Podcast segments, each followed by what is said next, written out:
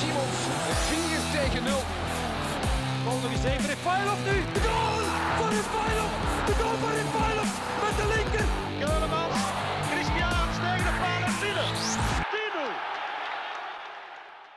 Dag beste luisteraars, welkom bij aflevering nummer 21 van de Klokken van dit seizoen. Een voetbalpodcast voor en door Club Brugge supporters in samenwerking met The Blues. Onze transferspecialist en de man die mening heeft, mening heeft over alles wat met blauw-zwart te maken heeft, is er opnieuw bij. Welkom terug, eh, Matthias Dirks in de podcast. Yes, bedankt Nicola, bedankt terug voor de uitnodiging en heel blij om hier eh, terug te zijn. Absoluut. Ja, we zijn ook blij om jou terug te mogen ontvangen. En vandaag hebben we ook weer een special guest die we mogen verwelkomen in de podcast. Onze gast van vandaag is politicus, trots burgemeester van Bredene, fervent clubsupporter en eh, vaste luisteraar van onze podcast. Welkom Steve van den Bergen in de, de Klokken podcast. Goedenavond, uh, Bridges Boy. Ik ben blij hier bij te mogen zijn vanavond. Ja, heel blij dat we jou ook mogen ontvangen. Uh, zie je het een beetje zitten, Steve? Ja, super. Uh, ik ben een ongelooflijke fan van jullie podcast. Ik heb alle afleveringen beluisterd van uh, Hans het seizoen. En ja, het is een grote eer dat ik nu een keer zelf gast mag zijn. En ik denk dat het een bijzonder boeiend weekend is geweest. Dus ik ben op het juiste moment erbij gekomen, denk ik. Dat denk ik, dat denk ik ook, want het is een heel interessante match dat we eerst en vooral gaan bespreken. Gisteren, of ja, zondag, stond de kraker tussen Club en Anderlecht op het programma. Geëindigd op een ja, billig 2-2 gelijk spel. Um, laten we beginnen ja, voor de match een beetje, want er was al veel animo naar de wedstrijd qua opbouw. Um, eerst en vooral was er natuurlijk de transfer van Refailov van Antwerp naar Anderlecht. Matthias, heeft dat de gemoederen ook naar die topmatch van nu zondag wat, ja, de gemoederen wat verhit? Niet bepaald, denk ik. Het was, er was wel heel veel commotie uh, op social media en bij de supporters in het algemeen, denk ik. Um, maar ik denk het feit dat hij van, van Antwerp naar Anderlecht gaat, ik zeg het persoonlijk meer als, oké, ik kan niet zeggen dat het een B-speler is, want het is een heel belangrijke speler geweest voor Club Brugge. Maar, uh, maar bij mij persoonlijk heeft het niet echt voor commotie gezorgd. Uh, misschien wel bij bepaalde supporters, dan denk ik aan Steve of, of Nicola misschien. Maar bij mij persoonlijk heeft het, het, heeft het niet veel gemaakt, denk ik, of teweeggebracht. Ja. Ja, Steve, was jouw blauw-zwart hart toch een beetje aan het bloeden toen je het uh, nieuws hoorde? Oh, ik heb het uh, rap kunnen plaatsen, omdat ik zoveel respect heb voor de voetballer en de mens. Uh, Rafailov heeft zoveel voor ons gedaan. En uh, oké, okay, ja, die kerel probeert ook nog zijn laatste jaar zijn carrière uit te bouwen. ik had hem natuurlijk liever niet naar de vrienden uit Brussel, de vrienden, de move anti-vrienden uit Brussel laten gaan, omdat ik, omdat ik een ongelooflijke aversie heb tegenover Anderlecht. Ik denk dat we daar straks wel nog op terugkomen. Maar goed, ik heb het ook wel kunnen plaatsen, omdat, um, omdat uh, ja, Rafailov echt wel een absolute topvoetballer is, maar ook een fantastisch mens. En ik hoor dat ook uh, van de mensen die met hem gewerkt hebben, uh, dat hij een houden hart geeft. En dan ben ik toch wel iemand die dat kan plaatsen. En ik gun hem wel een mooi einde van zijn carrière. Alhoewel ik hoop dat hij daar geen potten breekt en dat hij daar wat nog kan verdienen. en dat hij vooral niet goed speelt, want ik gun het vooral Anderlecht niet. Ja, dat is uh, mooi, mooi gezegd. Um, nu, Matthias, gisteren um, waren ook de supporters voor het eerste in lange tijd nog eens klaar voor. Uh, het stonden er heel wat op de gistsystemen. Wat, wat deed dat bij jou om ze zo een keer ja, terug allemaal samen te zien? Want ja, het is toch uh, van cirkel vorig seizoen geleden dat we nog een keer ja, alle supporters samen hebben gezien. Ja, ik vond het eigenlijk sneu, want ik had al plannen voor de match eigenlijk. Maar anders was ik altijd geweest, want ik heb een paar Brugse vrienden die mij gevraagd hebben om mee te gaan. Um, maar ik denk echt wel dat dat ook het, het goede moment was. Ik vind dat de, de busopwachting in 2016, toen we net kampioen waren tegen Anderlecht met de 4-0, dat was ook zo'n een episch moment. Daarna zijn er drie, vier, vijf busopwachtingen geweest die misschien niet hetzelfde effect hebben gehad. Maar ik denk dat gisteren het wel een heel groot effect heeft gehad op bepaalde spelers. Eén, omdat we heel veel nieuwe spelers hebben ten opzichte van twee, drie, vier jaar geleden. En ten tweede ook omdat, ze, omdat de spelers en de staf al heel lang geen supporters hebben mogen aanschouwen in Jan Breidel. En dan denk ik wel dat dat effect terugkomt op de spelers.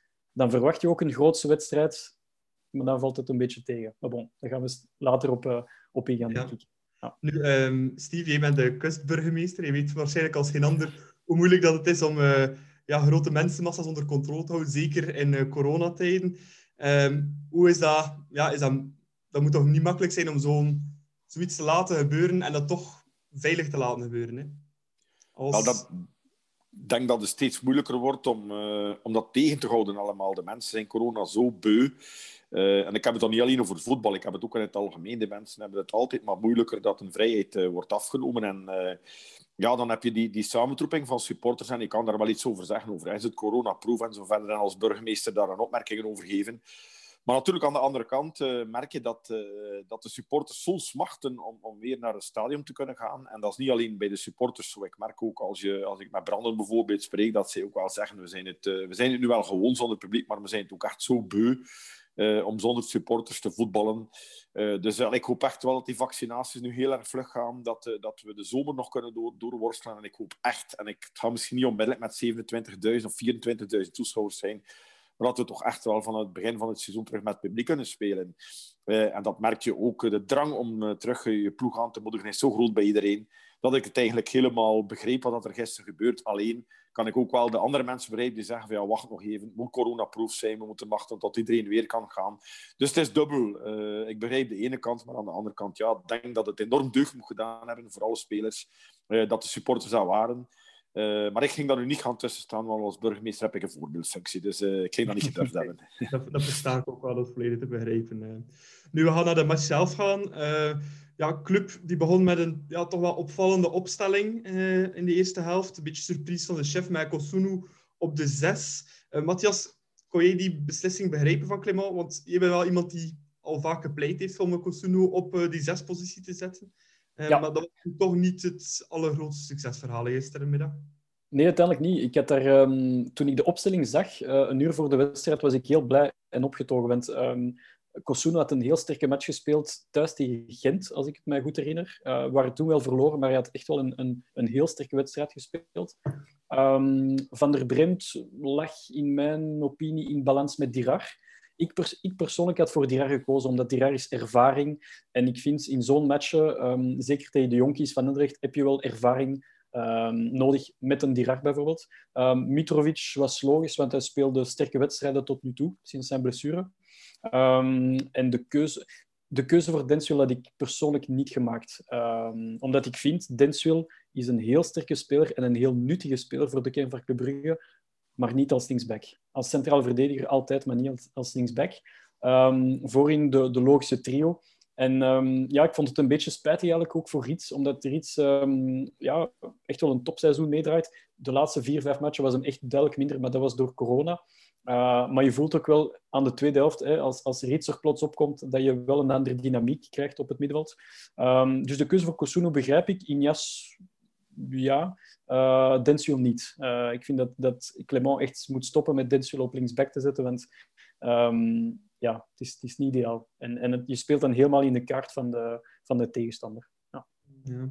Anderlecht zet de club ook heel goed vast, is. Die eerste helft, het was een heel moeilijke aansluiting tussen middenveld, of tussen verdediging en middenveld, in feite. Ik vond de eerste helft rommelig langs beide kanten. het was absoluut geen play-off 1 niveau waardig, vond ik. Het was heel veel afval in het spel, onzekerheden, zenuwslopend ook wel, enerverend. Uh, ook om naar te kijken. Um, maar over de tactiek, tactiek van Clément ja, kan je natuurlijk achteraf altijd discussiëren. Uh, dat is natuurlijk makkelijk. De trainer maakt keuzes, maar het pakte gewoon niet goed uit. En uh, op het middenveld werd in de steek gelaten, vond ik ook door een Van Aken, vormer. van achteruit werd er ook zeer zenuwachtig geacteerd. En dat komt natuurlijk door het feit, ja, de, als je Mechelen en naast elkaar hebt, centraal, uh, dan lukt dat heel goed. Nu was dat uh, ook, een, uh, ook een andere manier van spelen. Ik vond ook dat Mignolet zeer zenuwachtig en risicovol acteerde. Ehm, Bas Dost werd ook niet bereikt. heel moeilijk. die kwam niet in het spel voor. En al die zaken samen zorgden ervoor dat we eigenlijk in de eerste helft nergens waren. en gelukkig ja, was ook Anderlecht heel erg slordig. Dus het was een zeer zwakke eerste helft. Eh, die we zagen. De tweede helft was dan natuurlijk wel een uh, stuk beter. Maar inderdaad, ja, je merkt dat Club Brugge na de uitschakeling Europees, na het corona-gebeuren, na de uitschakeling in de beker, niet meer hetzelfde niveau behaalt. En er zijn daar diverse redenen voor, waar we misschien straks nog kunnen op terugkeren. Maar het was allemaal veel te weinig. En uh, ik denk dat we ja, eigenlijk alles bij elkaar was het een billig spel. En konden we geen aanspraak maken op de zegen. Alhoewel dat we de kans gehad hebben om het af te maken. En dat verzaakten we dan ook te doen. Ja, Nee, Matthias, ook uh, in die eerste helft, ja, Steve heeft een aantal zaken genoemd die uh, fout liepen. Je nog zaken dat je dacht van ja, daaraan lag het ook nog wat? Ja, die mentaliteit, want dat is wel iets dat ik op, op Twitter heel vaak gelezen heb. Eh. Ja, de, de algemene mindset en mentaliteit viel heel hard tegen. Ik heb net voor het opnemen van deze podcast uh, de We Never Walk Alone uh, filmpje bekeken op Club Brugge. En, en daar zie je echt Clement hameren, Vormer hameren, de, de voorzitter. Iedereen zegt, jongens, die fans die doen dat voor jullie. Die hebben net uh, ik weet niet hoeveel... Allee, die hebben heel, het, um, heel, heel de, tribunes overdekt voor jullie. Um, dus wij hebben ze bijna liggen pamperen, zodat ze enkel zich moeten focussen op, op presteren eigenlijk. En dat hebben zij niet gedaan. En, en ik ben een grote fan van Hans van Aken, echt waar, oprecht. Maar uh, hoe, dat hij de laatste weken speelt, met de attitude van het maakt niet zoveel uit. En ik ben, ik ben ervan overtuigd dat het hem wel veel uitmaakt. Maar ik vind hem heel nonchalant. Hij is niet aanwezig. En vooral um, een speler als Hans van Aken met twee gouden schoenen moet, moet ja, opstaan op een veld. En dat doet hij niet. En, en ik vind dat heel frappant en, en heel teleurstellend eigenlijk. Dus voor mij, de, het, was een, het was een dramatische eerste helft. Totaal niet van wat ik verwachtte. Zeker ten opzichte van de fans en, en alles wat we gedaan hebben. En de belangrijkheid ook van die wedstrijd. Maar uh, voor mij was een beetje Van Aken de patroon van het, het mislopen van deze eerste helft. Ja. ja. De tweede helft bracht dat gelukkig wel een stuk meer spektakel en uh, play-off 1 niveau naar boven. Uh, en dat resulteerde ook in een snelle goal van um, Noah Lang op assist van Bas Dost. Ja, dat duo, Steve, die beginnen elkaar wel te vinden, hè, die twee Nederlanders. Ja, klasse drijft altijd boven. Uh, ik denk dat uh, zowel Dost als, als Lang twee uitstekende voetballers zijn. met een, Dost met ook nog heel wat ervaring erbij. Noah Lang is pure klasse. Dat is een schot in de roos. Dat had er ook niemand verwacht, laat ons eerlijk zijn, toen Noah naar Club Brugge kwam. Want nu is het makkelijk zeggen natuurlijk, maar men had een, een, een langer plan met Noah Lang, maar die, die, die integreerde zich onmiddellijk, heeft de, de verwachtingen meer dan ingelost. Van Bas Dost wist dat men meer en meer, maar gelukkig hadden die twee gisteren, want anders... Uh, was het een, jammerlijke nederlaag uh, geworden. Dus we hebben echt wel op klasse dan nog een punt kunnen meepakken. Uh, maar alleen vind ik dat, uh, dat we daar niet tevreden mogen mee zijn. Uh, ik heb alle begrip dat we die corona gehad hebben. Dat de, de spanning een beetje eruit gekomen is als we die twee andere doelen ook hebben verloren. als menselijk. Europees eruit, de beker eruit. En dan, ja, dan, dan verlies je wat aan spankracht als je zoveel punten voor hebt. Maar we moeten inderdaad, en daar ben ik absoluut mee eens een, uh, Van Aken gaan opstaan en zeggen van kom maar jongens, wij gaan hier het voortouw nemen. Wij gaan hier maken dat we uh, toch nog doen wat we moeten doen. En dan miste ik inderdaad wel die grinta, die, die overgave, uh, de wil om echt door een muur te gaan. Wat Club Brugge wel had, vonden wij dan niet terug gisteren, of toch te weinig. En dat is al een, ja, een aantal matchen zo. En we moeten toch daar voorzichtig mee zijn. En ook zeker naar het volgende seizoen toe moeten we daar toch wel serieuze lessen uittrekken. Uh, maar daar ga ik misschien straks wel nog iets over zeggen. Maar goed, ja, we hebben een punt gehaald. Wat we kunnen winnen, wat we ook kunnen verliezen. Ik denk dat het een correct gelijkspel was. Maar eigenlijk had Club Brugge die wedstrijd moeten aanvatten om hem altijd te winnen. Want bij winst was de titel ja, zo goed als binnen. Ja. Uh, we gaan nu ook al kampioen spelen. Maar het zou misschien nog enerverend en moeilijke weken komen. En we hadden dat echt wel kunnen vermijden, denk ik. Nee, klopt volledig. Uh, als we dan terug naar de match gaan. Um Kosuno werd dan ook gewisseld op een bepaald moment. Die had al een gele kaart achter zijn naam. Rits kwam erin. En het was toen 1-0. En toen had je eigenlijk echt het gevoel, ja, club heeft die match hier onder controle. Denswil mist dan ja, de kans op de 2-0, Matthias. Kom al op de paal. Als die bal binnen gaat, is, is de match beslist. Hè? Ja, dan is het helemaal binnen. Dan zie ik Anderlecht nooit terugkomen. En ik denk dat, dat, ja, dat ze dan mentaal ook beseffen van oké, okay, 2-0. Het was dan misschien heel gevleid geweest, had die kopbal uh, van Denswil binnen geweest. Maar, uh, maar dan is het helemaal over en uit voor de jonkies van Anderlecht. Dus uh, dat, dat, vond ik heel spijtig. Ik was, ik was op, oprecht heel gefrustreerd dat die bal niet binnenging. Want je weet dan, dit is bijna de kopbaldoelpunt die ons meteen de titel oplevert. Want zoals Steve daarnet zei, als je won gisteren, dan was het helemaal over en uit. Mathematisch niet, maar in, in, in, de, in de hoofden van de tegenstanders zeker wel. Um, Kosunu eraf vallen voor iets vond ik een heel slimme move van, van Clement. Want Kosunu um, werd een beetje, zoals Steve zei, aan zijn lot overgelaten door Vormer en Van Aken. Had het heel moeilijk. Hij zoom een beetje op het middenveld. Het is ook niet zijn, zijn natuurlijke positie. Um, dus ik vond de wissel ook zeker en vast uh, slim. Um, en ja, Denswil een beetje anti-held. Want kopbal gemist en daarna balverlies, counter anderlecht en meteen 1-1. Dus uiteindelijk, het was een heel spijtige actie van, van ja, ja en, en daarna ja, zie je echt 1-1 match. Uh, ja, knappe goal wel, kunnen we wel toegeven, denk ik. Um, maar uh, wat ik daarna zie, dat was toch wel iets dat mij zeer verontrust. En dat was een beetje de paniekreactie van club. Dat was, ik had echt het gevoel, als drie weken voordien op Anderlecht, toen we 1-1 binnenkregen ook, ja, ineens kreeg, kwam Anderlecht daar gewoon uit het niks en kansen. En uh, een beetje later was dan effectief nog bingo. Maar uh, ja, Steve, dat is nog moeilijk te verklaren. Hè, dat dat zo in de hoofdjes kan kruipen, zo'n tegendoelpunt, met al die ervaren mannen op het veld. Maar wat mij een beetje zorgen baart, is dat dat niet de eerste keer is. We hebben er al verschillende keer tegengekomen dat we voorkomen, dat we de wedstrijd compleet in handen hebben en dan achteruit leunen, bewust of onbewust. En dan de tegenstander terug in de wedstrijd laten komen. Ja, als topploeg moet je dan, op het moment dat je voorkomt, ook al zit je moeilijk in een match, echt gaan doorduwen, echt wel de, de tegenstander bij de keel gaan grijpen en het afmaken. En dat mis ik bij Club Brugge, die dat extra tikkeltje drive om dat te doen. Eh, of, of ja, kunnen ze het niet opbrengen, of, of is die vorm daarvoor onvoldoende aanwezig?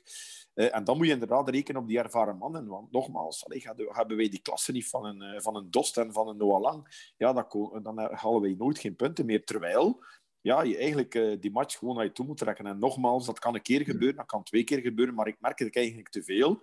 En wat mij ook zorgen, uh, zorgen baart, dat is dat Club Brugge veel te veel wedstrijden thuis, uh, thuis verliest dit seizoen. dat moeten we echt wel meenemen naar het volgende seizoen. Hij kan er natuurlijk wel op het gebrek aan publiek steken, maar oké, andere ploegen worden daar ook mee geconfronteerd. Maar we hebben veel te veel punten verloren thuis dit, eh, dit seizoen. en hadden wij de helft van die wedstrijden die wij verloren hebben thuis gewoon gewonnen, dan waren wij al kampioen. Dan was, waren de play-offs zelfs overbodig geweest. Dus dat zijn toch echt wel zaken die we gaan moeten meenemen naar het volgende seizoen. Uh, als we niet willen uh, ons laten in slaap wiegen. Want uiteindelijk, ja, als wij kampioen spelen dit jaar, is dat ook een stuk door de zwakte van de tegenstander. En dan gaan we ons toch echt wel moeten versterken naar het volgende seizoen toe. Ja, nee, klopt. Daar ben ik helemaal mee akkoord. Uh, ook de VAR eist nog een beetje een hoofdrol op in die match. heel vuile fout van Kullen op de enkel van Dost. Matthias, begrijp hij nog dat die VAR niet tussenkomt? nee, ik heb net ook het, het statement van de referee department gegeven. Die vonden het rood. Maar die vonden dat er geen, dat er geen reden was om de varm tussen te komen. Ik bedoel, ja. dat staat toch haaks op elkaar, zoiets. De reden van het referee department was blijkbaar dat niet alle 100% van de elementen uh, samen waren om toch tot een VAR-interventie te, te komen. Dat vind ik gewoon frappant. En dat is gewoon puur uh, ja, jouw, jouw referees kost wat kost te willen verdedigen, terwijl dat Hans van Aken exact voor dezelfde fout drie speeldagen uh, geschokt ja, ik vond dat zelf van Van Aken, vond ik nog... Van Aken ja, nog echt in de bal. Kullen, Kullen was gewoon los op de enkel. Als hij iets harder trapt, is misschien de carrière van Dost gedaan. Hè? Ja, ik vond, ik vond dat van Van Aken tegen Eupen een beetje ja, slungelachtig, als ik het zo mag zeggen, want dat was echt niet expres. Um, maar dat van Kullen was, zoals je zegt, hiermee kan je bijna een, een, ja, een, een enkel breken hè, van een speler. Dus dat de VAR hier niet ingrijpt, dat uh, tart elke verbeelding. Dus ik, snap er niks van. En uh, ik denk 1-1 met 10 tegen 11, dat we misschien nog het verschil hadden kunnen maken. En ik denk dat André dan nooit uh, op 1-2 komt. Dus spijtig. En, um, maar altijd rood. Ja, ja, Stevie had ook een eh, tweetje de wereld gestuurd. Hè. Donkerrood, punt, punt, punt, gistermiddag. Hè. Ja, maar allee, ik ben een persoon die heel veel uh, kritiek geeft op de scheidsrechters. Ik word daar ook over aangesproken. Vorig jaar was er een congres van de scheidsrechters in Brenen, het Stafversluiscentrum. Ik ben er naartoe geweest. Ik ben daar een, uh, door veel scheidsrechters aangesproken geweest dat ik de arbitrage ehm, te hard aanpak. Maar ik wil er toch wel een keer iets over zeggen. Ik, uh, ik, ben, al, ik ben lang schooldirecteur en leerkracht geweest. En ik had dat een keer vergelijken en uh, u had dan de vergelijking verstaan. Als je met je klas naar, naar de speelplaats gaat, hij voetbalt, en twee kinderen uit de klas krijgen elke bal en ze schieten alle twee bewust, expres, eruit in. En dan zeg je als leerkracht tegen dat ene kind, van jij gaat nu vijf uur naar de speelplaats, je gaat in de klas straf. En tegen dat andere kind zeg je, voor dezelfde fout of voor hetzelfde gebeuren, zeg je van jij oppassen, dat is gevaarlijk, maak dat je er nooit mee doet. Dan ben je als leerkracht al jouw geloofwaardigheid kwijt, niet alleen bij die twee leerlingen, maar bij Hansi klas. Goed, alleen, je kan dat niet uitleggen voor dezelfde fout, want ik vraag mij dan af, wat doen die man in dat busje? Allee, en de communicatie, daar wil ik het ook over hebben. Communiceer dan. Anno 2021, laat die mensen uit het busje zeggen van, oké, we waren aan het kaarten, of we waren moppen aan het tappen, of we waren op dat moment het Dutch aan het doen. En dat gaan we dan nog begrijpen. Maar zij mogen niks zeggen. En dan heb je dan die dictieleraar, die normaal drie dagen nadien, hoe dat in Frank de Blekere, komt uitleggen van het referee department, zegt dat en dat en dat. Maar oké, voetbalsupporters, dat zijn geen domme mensen. Dat, je kan dat vergelijken met de politiek. Communiceer correct. En als je fouten maakt, iedereen maakt fouten, zeg dat dan gewoon. Maar lul je er dan niet uit van het was geen kleren en welke kleren en het gaat zo kunnen zijn. Nee, de VAR had daar duidelijk moeten zeggen tegen de scheidsrechter, dat is een aanslag op de benen van Dost, zuiver rood, jij moet nu je kaart gaan bekijken. Want hoe kan je nu gaan uitleggen dat Van Aken voor een mindere fout drie weken geschorst wordt en dat Kullen dat dat niet is. Ja, zeg dan gewoon van oké, wij willen de play-offs nog spannend maken. Wij gaan er alles aan doen om Club Brugge nog uh, tegen in het garnas te jagen. Wat moet nog spannend zijn, dat ze wij nog kunnen plaatsen. Maar ze mogen niks zeggen. En dan krijgen we zo'n onnozele uitleg van Tim Potts in de krant. En dan van onze dictieleerkracht, uh, Frank de Blekere, dat dan een uitleg zal geven die er niet op trekt. Ja, de mensen pikken dat niet meer. En als de scheidsrechters serieus willen worden genomen, dan moeten ze duidelijk communiceren en vooral eerlijk communiceren. En dat gebeurt gewoon te weinig. En daar kan ik mij ongelooflijk in enerveren. Niet alleen voor wedstrijden van Club Brugge, maar ook in andere wedstrijden. Zij oogsten wat ze zaaien. Dus ze moeten niet kwaad zijn als ze kritiek krijgen. Het is een eigen schuld. Een mooi voorbeeld was het voorbeeld van uh, Steve de Ridder. Een week na Van Aken tegen, op Eupen, of, of thuis tegen Eupen.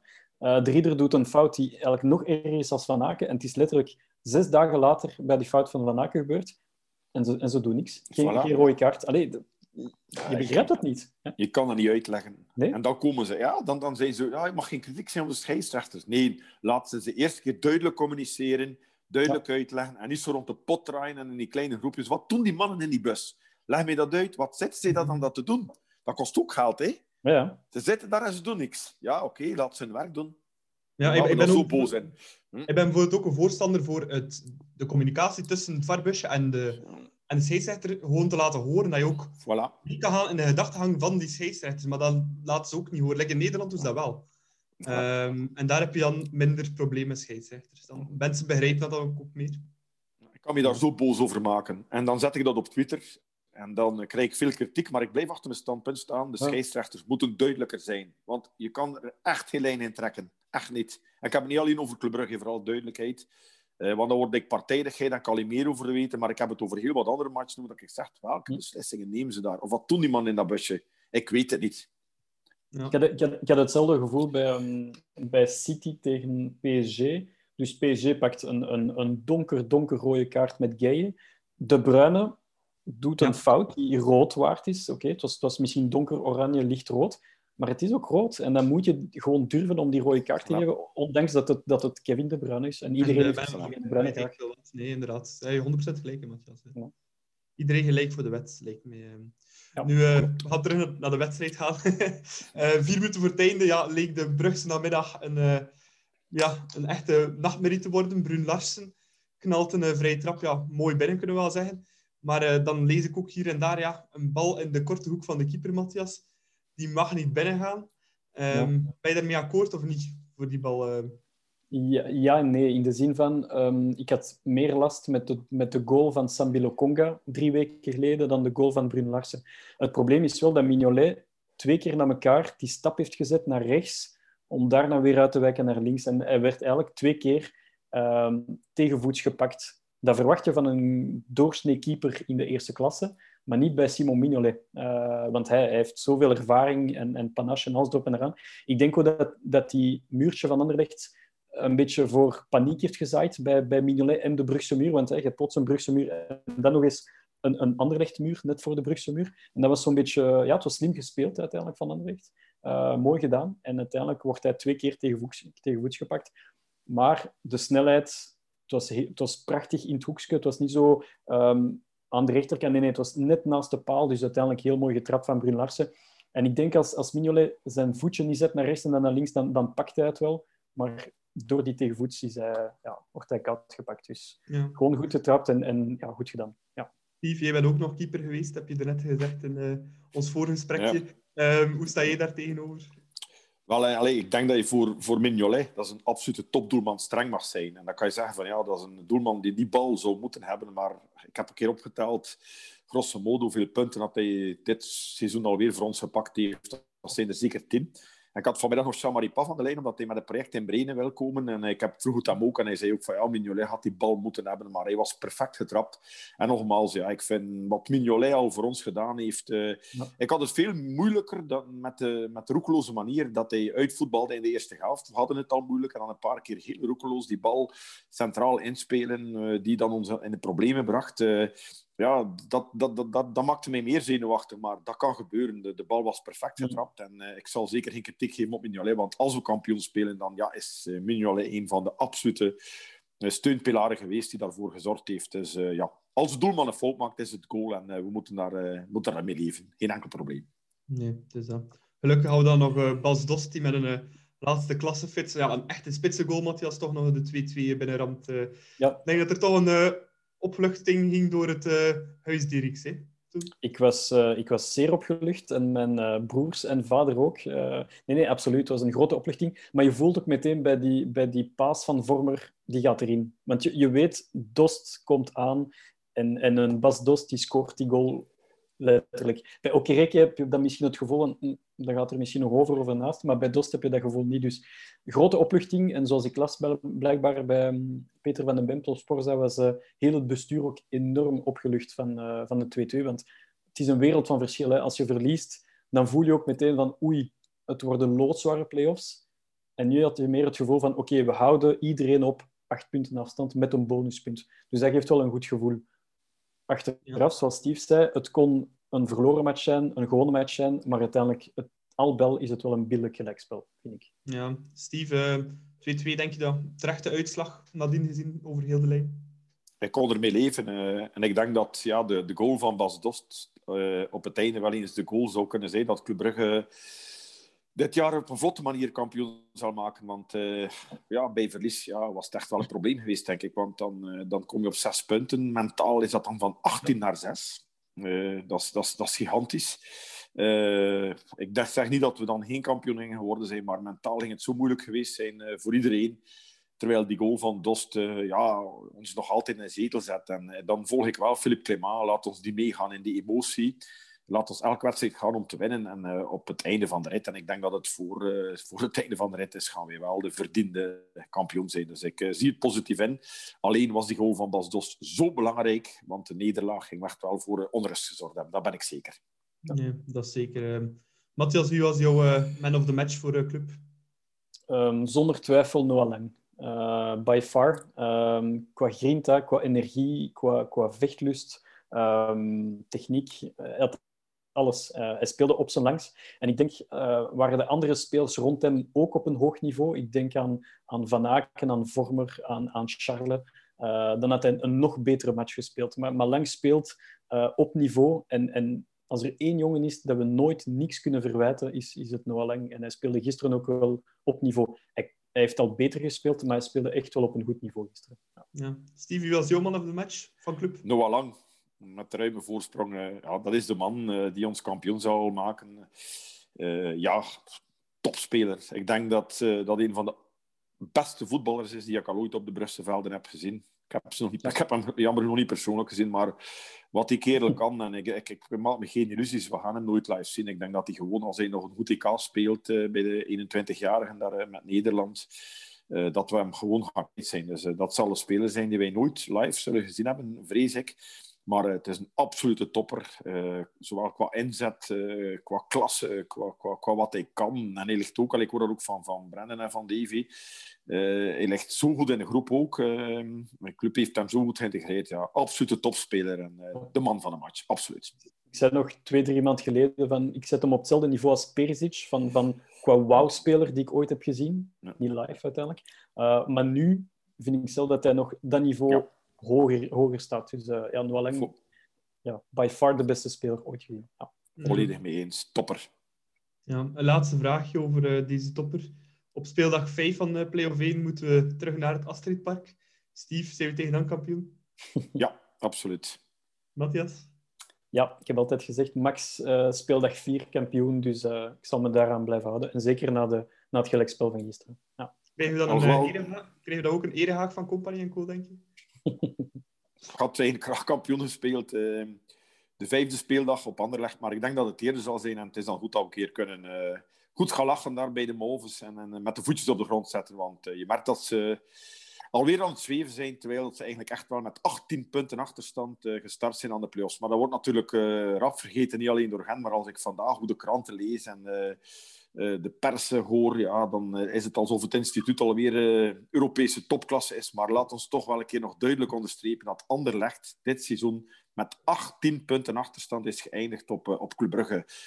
dus ja, ze moeten niet te hoog van het oren blazen. dus hopelijk vooraf kampioen en daar een keer goed gaan lachen. Dat zou leuk zijn. Ik kan me daar volledig bij aansluiten, denk ik.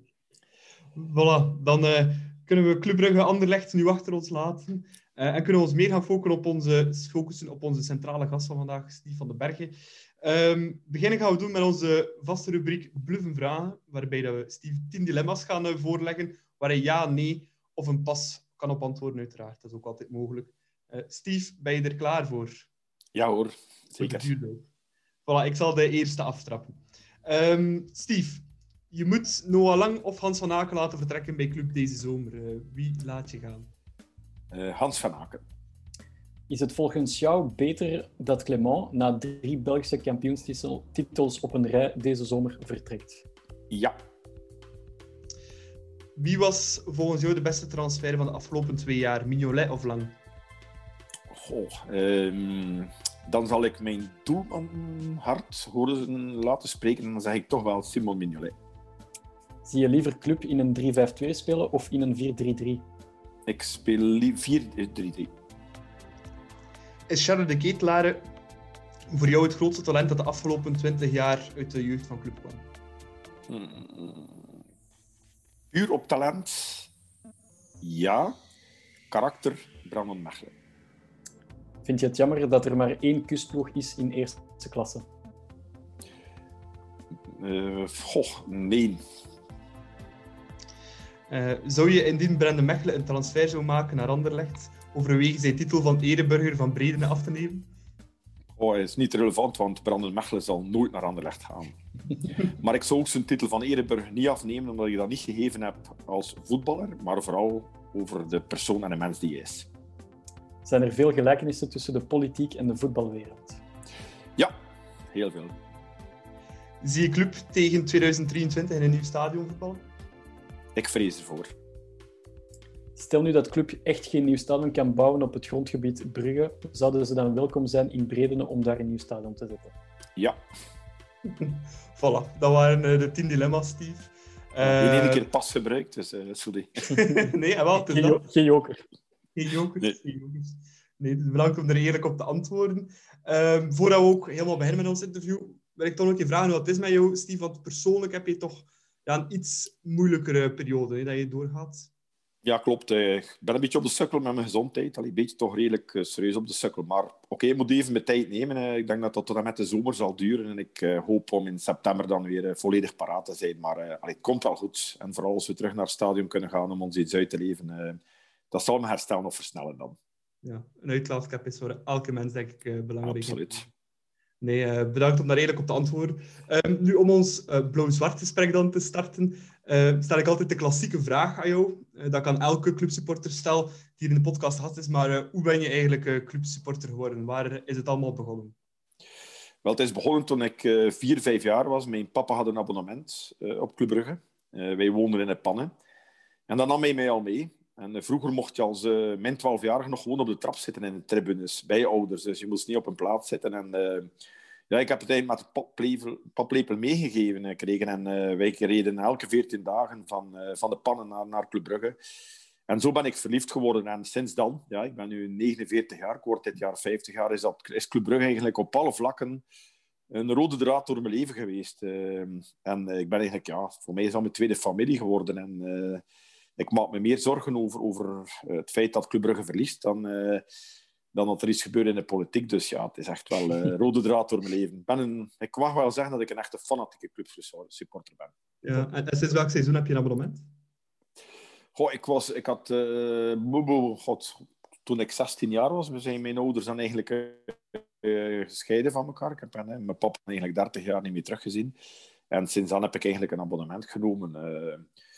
Dus ja, ik ben eigenlijk al altijd... Uh, mis eigenlijk geen wedstrijden. En als ik dat niet kan live bijwonen, dan kijk ik elke wedstrijd op televisie. En mijn, uh, mijn medewerker die mijn agenda bijhoudt, weet dan dat die dagen vrij moeten geroosterd worden. En dat dat eigenlijk voor alles gaat. Altijd. Fantastisch, dat horen wij graag. um, als, als, burgemeester en publiek figuur, jezelf uiten als supporter van een voetbalploeg is niet altijd vanzelfsprekend. Um, heeft je dit ooit al eens in de problemen gebracht of is dit ooit al eens tegen jou gebruikt geweest? Goh, nee, omdat uh, ik ben als politicus zeer authentiek. Dat is gewoon mijn manier van aan politiek doen. En dat heeft mij geen windeieren gelegd. En uh, zo kennen de mensen mij. Ik ben altijd eerlijk. Ik ben altijd wie ik ben, op alle vlakken. Niet alleen op het gebied van supporter voor een voetbalclub, maar ik ben altijd mezelf.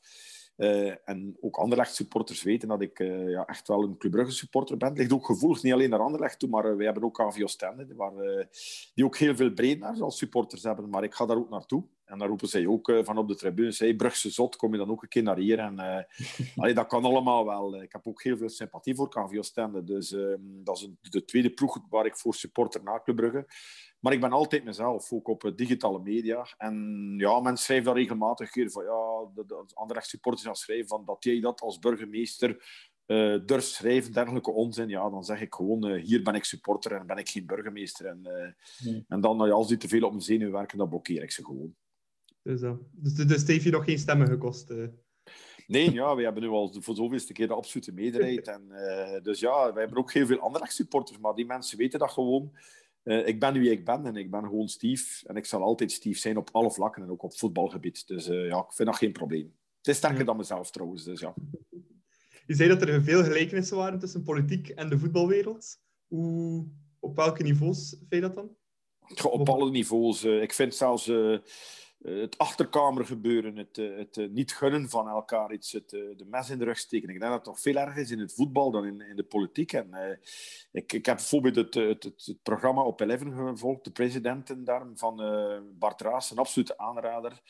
Uh, waar bijvoorbeeld de voorzitter van Cercle Brugge, ja, ik heb me enorm geërgerd aan die, die, die, persoon die, die eerst een betoog heeft van oké, wij moeten als voorzitters werken voor het Belgisch voetbal in het algemeen. We moeten maken dat we nog meetellen in Europa. En ik zei, ja, een verstandig gast.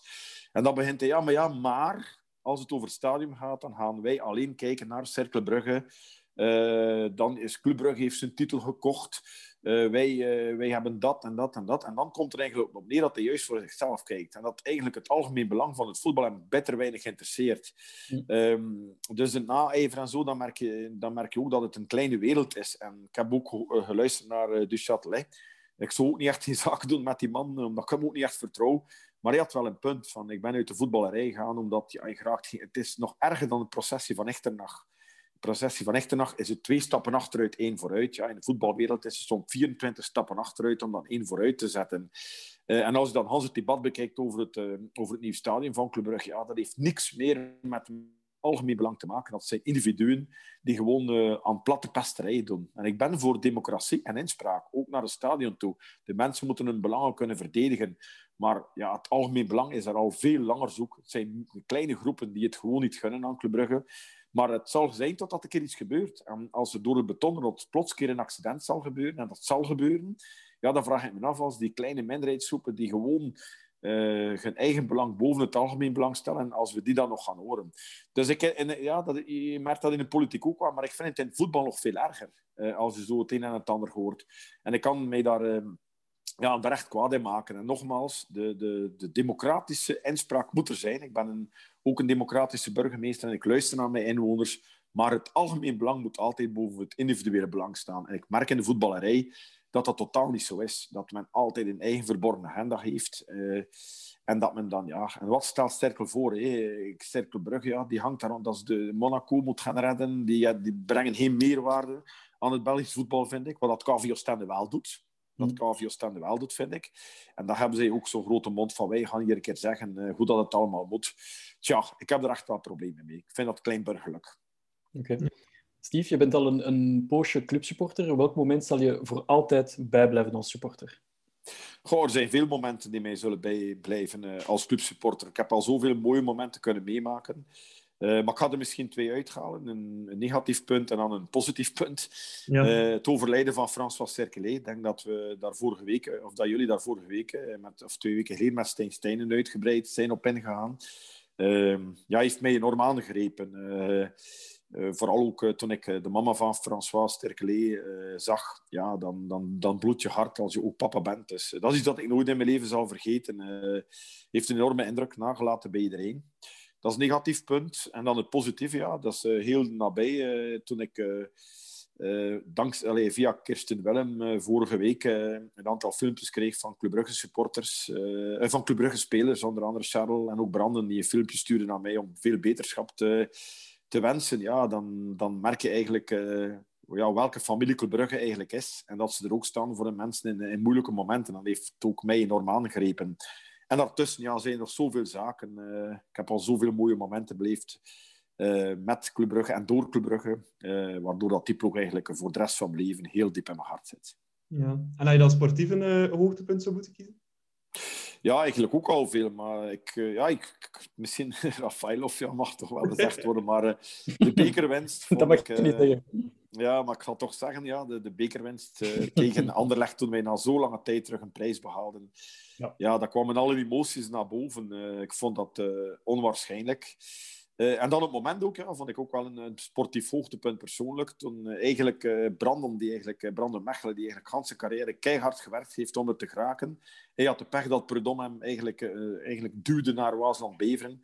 En dan had hij het geluk dat Ivan Leek kwam terug meenam naar Club. Dus dat was voor mij ook sportieve hoogtepunt, omdat ik eigenlijk echt wel vind dat Brandon Mechelen dat verdiende. En soms, en dat is ook in de politiek zo, moet je een keer op het juiste moment op de juiste plaats zijn. Dan moet je soms een keer het geluk aan je zijde hebben. En uh, dat is in de politiek zo, maar dat is in het voetbal ook zo. En Brandon heeft op dat moment het geluk dan een keer aan zijn zijde gehad. Hij heeft dat ook zelf afgedwongen. Maar ik was zo blij dat hij uh, ja, is kunnen terugkeren. En dus heeft hij het bewezen dat hij het kan. Ja, is Brandon dan ook je favoriete speler aller tijden van club? Of heb je nog een andere speler dat je zegt van, goh, dat was nu toch nog ja, echt mijn favoriete of idool van vroeger? Oh, ik heb veel idolen gehad. Uh, Peter Kreef is ook een Bredenaar die vele jaren bij Club Brugge heeft gespeeld. Dat is ook een persoonlijke vriend van mij. Ik heb dan ook via Peter Kreven persoonlijk uh, de Kasje leren kennen, omdat dat vrienden waren. Ik ben een paar keer uh, veel op stap geweest hem. Hij is ook een fantastisch persoon.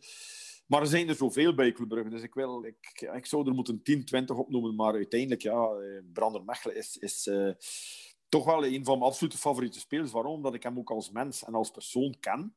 Uh, en ik herken zoveel van mezelf in Brander Mechelen.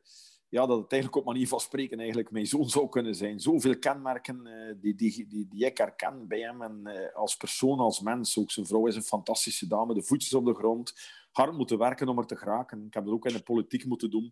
Dus als mens ja, is dat toch wel een persoon die, die, die ik uh, als favoriete speler beschouw, omdat, omdat ik hem natuurlijk ook wel zo goed leren kennen heb. En, uh, ja, het is een fantastisch mens. En dat is ook belangrijk in het voetbal, dat je een goede persoon bent. Hoe is jullie sterke band eigenlijk ontstaan? Van, van waar ken je Brennan? Is het echt van kinds af aan of, of later gegroeid? Nee, eigenlijk uh, is het vele jaren geleden toen Brandon eigenlijk uit de jeugd bij Club Brugge terecht kwam. En uh, ik ken zijn papa goed, die ook in Brenen woont. En ik had op digitale media gezet van... Ja, het, is vele jaren geleden. Uh, Club Brugge zal zich moeten versterken in de verdediging. En zijn papa stuurde bericht, ja, je bent een schone. Nee, het is een bredenaar die speelt bij Club Brugge verdedigen. En je doet dan een oproep naar naar een sterke verdediger. Maar ik had dat totaal zo niet bedoeld. Brandon was er nog in zijn opkomen. Uh, en ik had dat eigenlijk echt positief bedoeld, ook naar Brandon toe. En uh, dan heb ik ook uh, contact gehad met zijn papa en gezegd van ja, ik ben een ongelooflijke fan van je, van je zoon, omdat hij ook in SV Breinen altijd paraat was om jonge spelers te ondersteunen. Hij was ook altijd in Breinen paraat om sociale, sociale doelen te steunen. En zo ben ik ben, beginnen te volgen en uh, persoonlijk ook leren kennen. Dus eigenlijk is dat eigenlijk nog maar een x-aantal jaar lang. Hij is ook goed bevriend geraakt met mijn zoon. Uh, die 20, 21 jaar is, die ook een fanatieke clubsupporter is. En zo is onze band eigenlijk echt wel gegroeid en uh, zijn we steeds betere vrienden geworden. En dan is die, allee, Rigo, die ook een teammanager, die ook een goede vriend is van mij, ken hem ook goed. En zo hebben wij hem eigenlijk altijd maar beter leren kennen, is onze band steeds uh, closer geworden. Alhoewel dat we al veel van leeftijd schillen natuurlijk. Maar ik vind het gewoon een fantastische gast. Ja. Had je zijn goal, had je zijn goal tegen, uh, tegen Racing Genk, echt die, die volley verwacht? Of, of kwam, ook bij jou was dat zo echt een, een verrassingsmoment? Ja, ik, dat was uh, een van de topmomenten natuurlijk, dat hij dat deed. Maar ik weet dat hij dat kan. Hij, heeft, uh, hij kan ongelooflijk goed voetballen. Maar alleen twijfelt Brandon Mechelen ook altijd aan zichzelf. Ik heb het ook in de politiek. Twijfel ook altijd van, doe ik het goed genoeg? Even is ook zo. Ik herken heel veel daarvan. En dan moet je zeggen van, kom aan Brandon, je bent heel goed bezig. Pak ook een keer niet alles persoonlijk op je. Uh, maar hij is zo kritisch op zichzelf. Uh, Elke keer stelt hij zichzelf in vraag. En ik was zo blij dat hij dan zo'n goal scoorde. Maar oké, het heeft hem ook gebracht waar hij op vandaag staat. Uh, het kritisch zijn over zichzelf. En hij moet dat blijven doen. Uh, want hij had een hele mooie carrière tegemoet nog. En hopelijk voor de rest van zijn carrière bij Club Brugge. Daar hoop ik echt op. Ja, zou, zou je hem niet denken dat hij ook nog een niveau hoger zou aankunnen? Allee, ik, ik zie hem bijvoorbeeld wel in een, in een Bundesliga of zo, bij subtopper. Zie ik hem ook uh, vaste waarde in defensie zijn. Ja, uh, je kan erop rekenen, dat wel. Ik kan die stap zetten, maar ik zou graag hebben dat hij zijn carrière bij Club Brugge blijft, omdat ik dat echt zo'n clubicoon vind. Ik vind dat hij ja. past bij de waarde van Club Brugge. En als hij dan op het einde van zijn carrière zou kunnen zeggen van ik heb daar heel mijn leven gespeeld, ik denk dat hij ook daar goed zit. Hij verdient goed bij Club Brugge. Hij wordt gewaardeerd. Hij kan nog stappen vooruit zetten, zeker Europees, denk ik, bij Club Brugge. Dus ik zou het zeker niet slecht vinden moest hij bij Club Brugge blijven. Maar als hij ooit die stap zet, ja, dan zal ik hem ook altijd steunen. als hij die kans ooit krijgt, moet hij het doen ik denk dat hij zelf niet liever wil om te blijven bij club tot bijna het einde van zijn carrière uiteindelijk. Ja, als hij gewaardeerd wordt, want waardering is voor hem heel belangrijk. Hij zegt dat wel niet en hij toont dat niet altijd, maar hij, ja, hij heeft wel nood aan waardering. En dat krijgt hij ook bij Club Brugge, ik ben er zeker van. Uh, maar soms moet hij ook wel een keer durven meer een rotzakje zijn en zeggen van oké, ik ben Brandon Mechelen, ik heb ook al veel bewezen, ik sta hier en ik, ik, ik kies mijn plaats op. Maar goed, dat zal ook wel verbeteren met uh, iets ouder te worden. Maar uh, zijn nederigheid zie je dat ook wel. Dus ja, fantastische gast, zeg het nog een keer. Ja, moet hij mee naar het EK van de zomer? Ja, absoluut. En ik zal ook uitleggen waarom. Niet omdat, omdat ik fan van hem ben, dat hij mee moet. Maar gewoon omdat, één, hij is een goede verdediger. Twee, hij legt uitstekend in de groep. Je zal nooit problemen mee hebben als hij minder speelt. Uh, en drie, denk ik dat het wel belangrijk is dat ze hem meenemen met het oog op dan de volgende generatie. Dus uh, ik denk dat dat iemand is dat je in de breedte altijd mee kan nemen. Hij zal zijn minuten spelen, hij zal nooit ontgoochelen en vooral hij zal ooit nooit de lastpost zijn in de groep. En ik denk dat dat ook belangrijk is in het toernooi. Dat je spelers mee hebt die meerwaarde zijn, ook in de groep zelf, en waar je geen miserie mee hebt. En met Brandon Mechelen ga je dat nooit hebben. Dus ja, hij moet mee naar het TK. Ik denk dat zijn, dat zijn beste positie in de drie-mansverdediging van Martinez als centraal, als libero uiteindelijk. Mm. Want bij club speelt hij op, op hoog niveau links naast uh. Ja. Maar uh, ik heb hem matches zien spelen op, op, uh, als centrale uh, verdediger tussen, tussen twee man. En dan, is, dan vind ik hem nog zelfs een niveautje hoger spelen eigenlijk. Ja, dat klopt. ik denk dat hij inderdaad zijn beste seizoen ook op die manier gespeeld heeft. Maar naast Kosunu, vandaar dat ik ook jammer vond dat ze Kosunu daar weggetrokken hadden gisteren. Ja. Brand, Branden had het dan ook iets moeilijker. Je zag het dan ook wel in zijn spel, ja. dat hij ook een beetje moest zoeken. Uh, maar goed, ik denk dat hij nu zoveel ervaring aan het opbouwen is dat hij in elk systeem zich wel uh, aanpast. Hij maakt ook af en toe een keer een fout, maar iedereen doet dat. Maar hij heeft een enorm goed positiespel. Hij is een ongelooflijk moeilijke verdediger. of, of om een verdediger om mee te spelen als hij hard op je zit. Dus hij heeft zoveel kwaliteiten en ik denk dat hij nog zal groeien. Als je kijkt naar zijn body, dat hij geëvolueerd is als speler. Ja, je kan altijd op hem rekenen. Dat is toch ook belangrijk, denk ik, in de verdediging. Ja, ja. Na, na, naast vond hij hem het, het, het best spelen eigenlijk destijds. Want ik was bijvoorbeeld heel trots. Um, ik herinner nog een keer een Club Anderlecht. Ik denk het eerste jaar dat Predom er was. We werden met 4-0 en dat was met Mechelen en Björn Engels centraal in de verdediging. Twee echte Brugse jonkies. Dat vond ik wel eigenlijk echt een topduo, die twee. Ja, ze waren heel complementair samen. Uh, maar nu met uh, allee, Odilon Kosono uh, lukt het ook. En dan, ik denk dat Brandon Odilon ook heel veel coacht. Men zegt soms, ja, Brandon mag content zijn dat hij Odilon Kosono naast zich heeft. Ja, ik ben het daar niet altijd mee eens. Kosuno is, is, is echt onversneden klasse. Dat, dat zie je zo. Dat is een, dat is een speler voor een top-topclub naar de toekomst toe. Maar hij wordt enorm gecoacht ook door Brandon je neemt daar ook zijn verantwoordelijkheid door Kosuno te coachen en te helpen. En, en ze spelen ook heel goed samen. Dus uh, ja, je moet stek Clément zijn. Alsjeblieft, laat die twee achterin samen staan. Zet Matsrits op het middenveld ja. uh, voor de volgende matchen in de playoffs. Dat zou ik toch doen. Maar dat gaat, ja. dat gaat gebeuren, denk ik. Ik denk dat, dat ja. Clément zijn lesje heeft geleerd. Allee, lesje is een groot woord, maar ik denk dat, dat we vanaf Genk uh, weer het vaste duo gaan krijgen, Kosonou en, uh, en Mechelen. Absoluut, dat hoop ik ook. Ja, we hadden net over Philippe Clément. Die ken je ook, hè, Steve? Toevallig een beetje eigenlijk. Hè? Ja, eigenlijk uh, mooie anekdote. In uh, het voetbaljaar 1995, 1996 speelde hij met mijn uh, beste vriend uit de pannen, Mark Notre waar ik altijd mee gevoetbald heb, bij Racing Henk. En Mark was dan prof. En zij zaten eigenlijk in hetzelfde appartementsblok. En ik ging elk weekend zakte ik vrijwel naar Henk, omdat het er ook heel wel leuk was om mijn vrienden een beetje te ondersteunen. En zo heb ik Philippe leren kennen en hij was nog student. Hij studeerde dan industrieel ingenieur, was tweede klasse. En op het einde van dat seizoen uh, werd uh, Serrain failliet verklaard in tweede klas, waardoor dat eigenlijk Lokeren, die kampioen was, mocht overgaan naar de eerste klasse. En Henk ook. Er mochten dan twee ploegen uh, naar eerste klasse overgaan. En uh, Clément is gebleven, dat was met trainer Remy Anteunis. Zij noemden hem Vleesklak, alle twee, ik weet dat nog. en Remy Anteunis was trainer, dus Clément is meegegaan naar de eerste klasse, maar Notre Dame is dan naar KVO Stende teruggekeerd. Eh, en de rest is geschiedenis. Maar ik heb daar fantastische weken eigenlijk meegemaakt, want uh, ik was cafévoetballer. Uh, en ik was een doelman van niet al te hoog niveau. En ik weet nog dat ze een keer week kwam een supporter naar mij en ik deed dan twee blunders. En diezelfde, dat was een weekend dat zij geschorst waren. En zij, wij hebben dan samen gaan kijken naar Diest Henk. En van Diest zijn we dan nog naar, naar uh, Henk gereden, want het was op verplaatsing. En van Henk dan nog een keer naar Oostende, allemaal in één avond. Ik was nog nooit van rond de kerktoren geweest. Maar ik heb daar fantastische, fantastische maanden eigenlijk meegemaakt. Want zij, wij gingen dan uit. Dat was dan ook met Anthony Annikaart, die dan nog speelde. Die is nog bij Cercle gespeeld. En wij gingen dan uit. En dat waren dan al helden in tweede klasse in Genk. Echt waar, Notre Dame, Klima, noem maar op. Dat was met Stroepar, Komjenovic, ik noem maar op. Met Gaspersic in de goal. En uh, zij zei dan tegen mij, jij bent derde doelman als we uitgaan. Jij moet dat zeggen. En ik mocht dan meegaan. En ik werd dan even mooi, uh, triomfantelijk binnengehaald in die cafés toen wij gingen.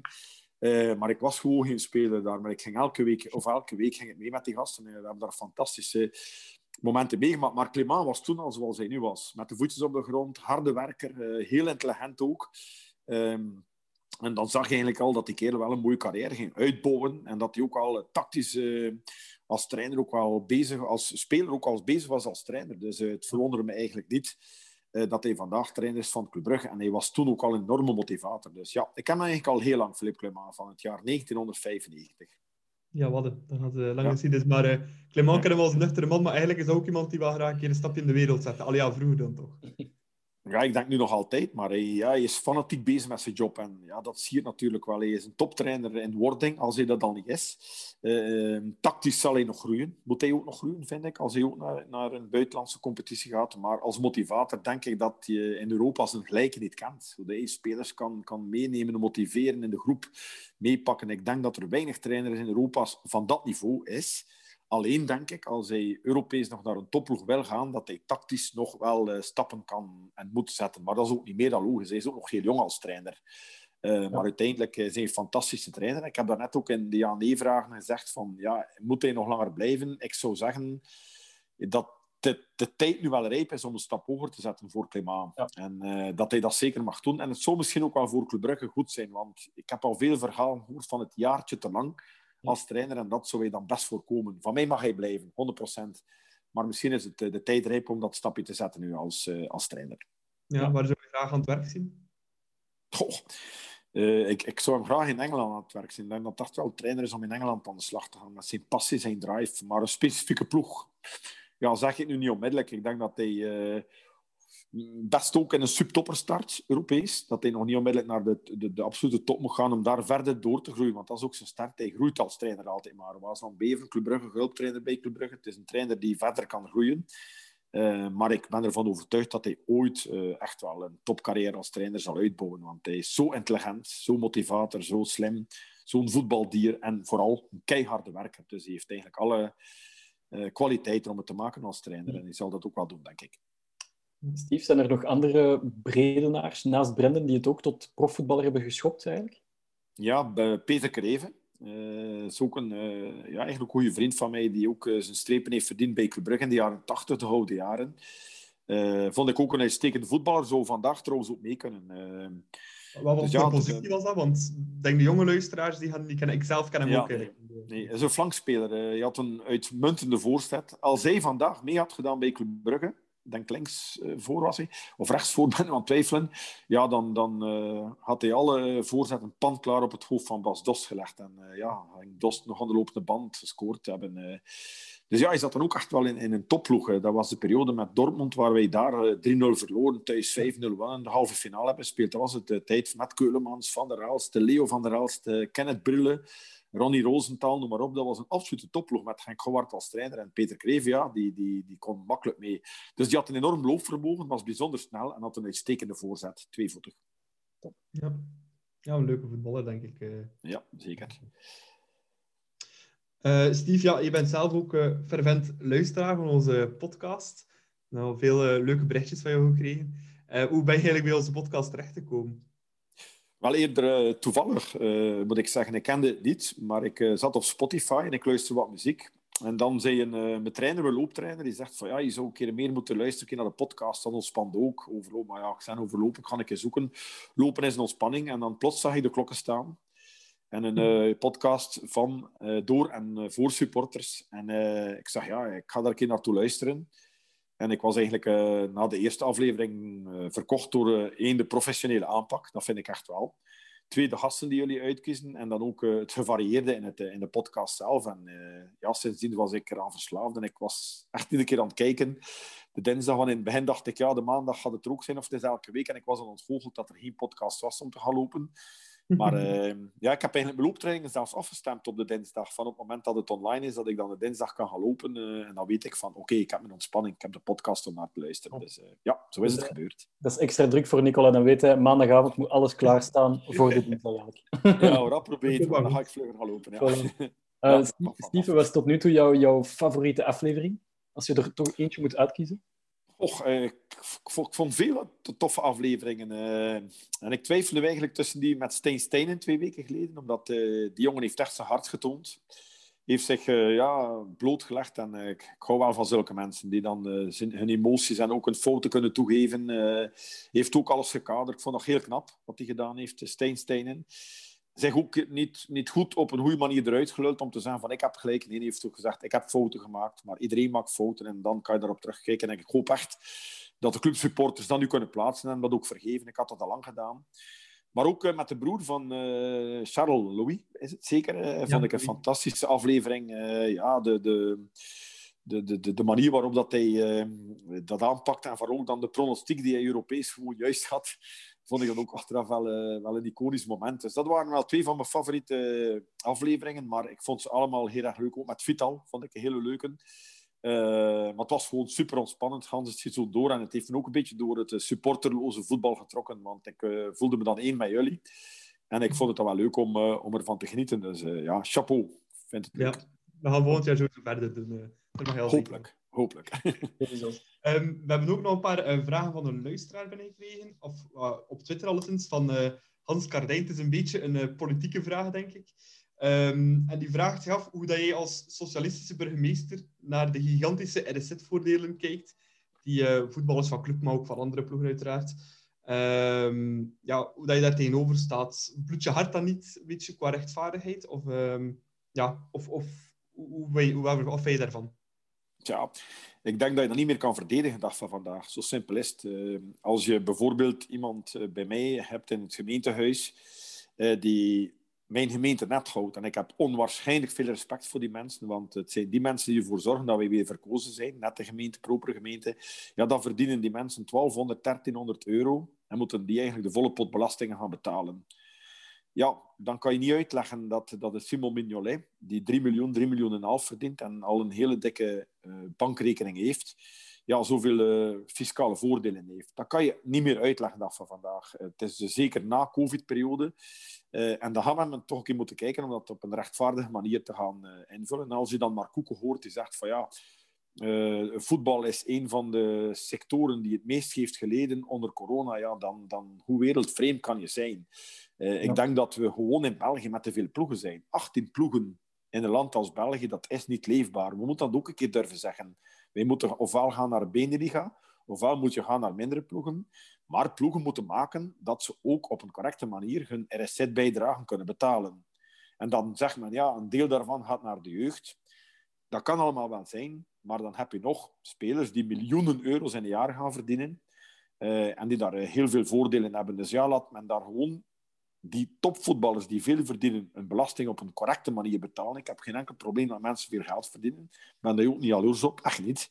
Maar laat die mensen ook correct bijdragen aan het systeem, zoals elke burger doet. En dan is dat gewoon maar eerlijk. Dus ik, eh, die luisteraar heeft gelijk. Men moet daar kom af mee maken. En uh, ja, voetballers op een correcte manier een uh, bijdrage laten betalen. Okay. ook een paar... Ook een paar Zijn jullie... Wat Nee, nee, zeg maar, zeg maar. Zijn jullie het er eens mee of hebben jullie daar een andere mening over? 100% mee eens. Ja, ik ook. Ik Absoluut. Okay. Voilà. En voetballers mogen veel verdienen van mij. Ik heb daar geen probleem mee. Iedereen mag zijn brood verdienen. Ik ben daar niet jaloers op. Maar iedereen bijdragen. Want als, ik had er ook nog een keer duiden, ja, als een voetballer ziek wordt, ja, dan hebben zij ook die sociale voordelen van goed opgevangen te worden in het ziekenhuis, van onmiddellijk bij je dokter terecht te kunnen. En dat komt doordat wij heel goede sociale zekerheid hebben in België. En dat wordt soms vergeten. Als je dat vergelijkt met andere landen, dan worden wij heel goed geholpen. Als je ziek bent, je kan naar ziekenhuizen. De covid-periode is nu natuurlijk een uitzondering. Maar ook de voetballers worden geholpen. En hun kindjes en hun vrouwen. Ja, dan is het maar niet, niet meer dan normaal dat die mensen ook op een correcte manier bijdragen, zoals elke burger in ons land. Ja, de enige vraag dat ik mij daarmee stel, en dat is dan een beetje, ja, en dan kijk naar de ambitie van club. Ehm, stel dat je dat gaat wegdoen, die RZ-voordeel, dat je wel een concurrentiepositie verliest tegenover het buitenland. Hè, om voor te onderhandelen over lonen. Alleen dan ga je voor, het, voor dezelfde speler meer loon moeten geven als die dan netto wil houden. Hè. Ja, oké. Zeg dat dan een beetje een ambitie van onder andere club dan? Ja, oké, maar ik denk dat het dan aan Club Brugge is om ervoor te zorgen dat ze de voldoende andere... En dan is het discussie natuurlijk dat je voert van... Allez, is dat, kunnen wij met 18 ploegen nog overleven? Moeten wij niet gaan naar een Beneliga, waar je commercieel meer inkomsten kan krijgen? Dat stadion had er al lang moeten staan. Ik denk dat als dat stadion gezet wordt, dat Club Brugge een budget kan, kan verdubbelen of zijn minst. Ik ben daarvan overtuigd. Je ziet dat aan, aan andere ploegen ook. Ja, dan moet men stoppen met dat klein burgerlijk gedoe en maken dat, dat de ploegen kunnen, kunnen groeien. En eerst een keer een keuze gaan maken van... ja wat is leefbaar in ons land? Hoeveel profploegen zijn er leefbaar om op een goede manier te kunnen werken? En ja, dat zijn toch twee discussies die je uit elkaar moet trekken. Nogmaals, ja, je kan niet zeggen van ja, we gaan niet meer competitief zijn. We gaan die, die, die, die dikbetaalde profvoetballers niet laten bijdragen aan het systeem. En dan nog maar iemand die de straten schoonveegt, wel laten vol, volle bak bijdragen. En die mensen hebben amper 1200 euro in, in, in, in een maand. Dat kan je niet verkopen. Uh, dus dat is geen excuus, denk ik. Ik denk dat je op een andere manier dan moet maken, dat je competitief blijft uh, op Europees niveau en dat elke ploegleiding daar een keer bij elkaar moet gaan zitten van hoe kan dat de komende jaren om competitief te blijven naar Europa toe. Ja, okay. Heel duidelijk. Ook onze man uh, Nico van Halen van, van Podcast had een paar vragen voor jou, Steve. Um, zijn er nog veel collega-burgemeesters waarvan je weet dat ze ook fervent clubsupporter zijn? Ja hoor, heel veel. Uh, ik denk dat de meeste burgemeesters uh, clubsupporters zijn uh, waar ik mee contact heb. En in het parlement ook. Ik ben ook Vlaams volkvertegenwoordiger. Dus ik zie de burgemeesters en volkvertegenwoordigers van gans Vlaanderen. En ja, dat, wij babbelen veel in de koffiekamer dan over het voetbal en Club Brugge. Dus heel veel zijn er voor, voor Club Brugge. Ik denk het overgrote merendelen. Maar ja, natuurlijk, ja, omleiding Oostende voor KVO Oostende is met al respect. En, maar heel veel zijn voor Club Brugge. ja, en, en gelukkig ook maar. Zorgt dat dan ook voor leuke voetbaldiscussies soms in de coulissen? Ja hoor, zeker en vast. Ja. Voetbal leeft overal en altijd. En, uh, dat is ook voor die mensen een uitlaatklep en ontspanning. En dan uh, debatteren we veel over voetbal. Uh, maar altijd op een respectvolle manier. En ik denk dat dat ook wel zeker moet kunnen. maar ik ben een fanatieker. En ja, ik moet dan altijd wel een beetje gaan overdrijven. en dan zeggen ze soms van, ja, Steve moet ook niet overdrijven. Maar ik ben nu eenmaal zo. Het zit in mijn bloed. En ik zal altijd zo blijven, denk ik. Ja. Um, nog een vraag van Nico. Um, was je er al bij bij de Europese finales van 76 en 78? En zo ja, um, wat weet je daar nog over? Of wat kan je daar nog over Goh, Ik weet daar heel weinig nog van. Ik weet zelfs niet als ik die finales echt al live heb meegemaakt. Maar ik herinner me bijvoorbeeld wel nog de afscheidswedstrijd. Dat was in het begin van het Jan Breidelstadion van Raoul Lambert. Toen hij in de middenstip de bloemen kreeg daar was ik bij en ik herinner me dan nog, omdat mijn papa dan een uh, uitgebreide diamontage gemaakt had daarover. En ik zie die dia's nog altijd voor me. Dus ik weet niet hoe lang dat, dat geleden is. Was het 1979, 80 dat hij... Ik denk 80 dat hij gestopt is. Um, en uh, ja, dus dat herinnert mij wel allemaal. Maar goh, ik herinner me ook nog als klein jongetje dat ik daar zat. De zware nederlaag tegen Standaard 1-7. Die zaken herinner mij wel nog allemaal. Maar als er al vijf, zesjarige zit, dan, dan ja, denk ik dat, dat, dat je veel dingen ook niet meer weet. Uh, maar ik weet wel dat ik toen al werd meegenomen aan het voetbal, dat wel. Nog een, uh, een, laatste vraag van Nico. Het is ook een, een pittige vraag, Steve. Um, als club kampioen is, ga je dan in je blootje op je naakstrand vieren? Ik zal dat niet in mijn blootje doen, maar uh, ik ga sowieso wel vieren. maar in mijn blootje niet als burgemeester. Poh, ik ben ook niet echt een naturist om, om, om te doen. maar ik ga, wel, ja, ik ga toch, wel, toch wel een keer goed vieren en een keer alle frustraties van het voorbije jaar gaan uitschrijven dat we zonder supporters hebben gespeeld. En dan ook wel misschien een keer met, met Brandon in mijn tuin en met Davy. Een keer in mijn tuin, een keer vieren met een goede stek. En een keer een barbecue doen en dan ook wel een keer een intimiteit intimiteit vieren. Maar goed, ja, we gaan kampioen spelen. En ik denk dat we voor vele jaren vertrokken zijn trouwens. Als een beetje goed inkopen ook. Ja, ja. dat is goed. Voilà, Steve, bedankt om op al onze vragen te antwoorden. en ja, in alle eerlijkheid op te antwoorden. Dus bedankt daarvoor. Maar dan denk ik dat we nu kunnen overgaan naar het eh, volgende puntje van de podcast. En dat is de Kasje Cup. Ja, Jan. En voortgaan. Ze kunnen niet volgen. Nog altijd. Goal! Goal, goal, goal! Hij is erdoor, Keuleman. Hij is erdoor. De inspanning van het jaar. De Cup, dat is de prijs voor de speler, medewerker, supporter of persoon die iets met blauw-zwart te maken heeft, die we graag deze week eens in de bloemetjes zullen zetten. Elk van ons drie nomineert, nomineert één persoon. Daarna kijken wie de leukste of mooiste nominatie heeft gegeven. En die wint dan de Kaja Cup. Um, Matthias, jij mag uh, de spits afbijten voor deze week. Yes, voor deze week heb ik uiteindelijk gekozen, en dat heeft helemaal een, referentie naar de wedstrijd van gisteren tegen Anderlecht. Um, het is een beetje een 2-in-1 nominatie, want ik heb gekozen voor de, ik denk, 15 vrijwilligers um, die uiteindelijk heel de tribune, de drie uh, mooie tribunes hebben afgedekt. Dat vond ik gewoon geweldig met, uh, ik ga het proberen te zeggen in het Hoon Club.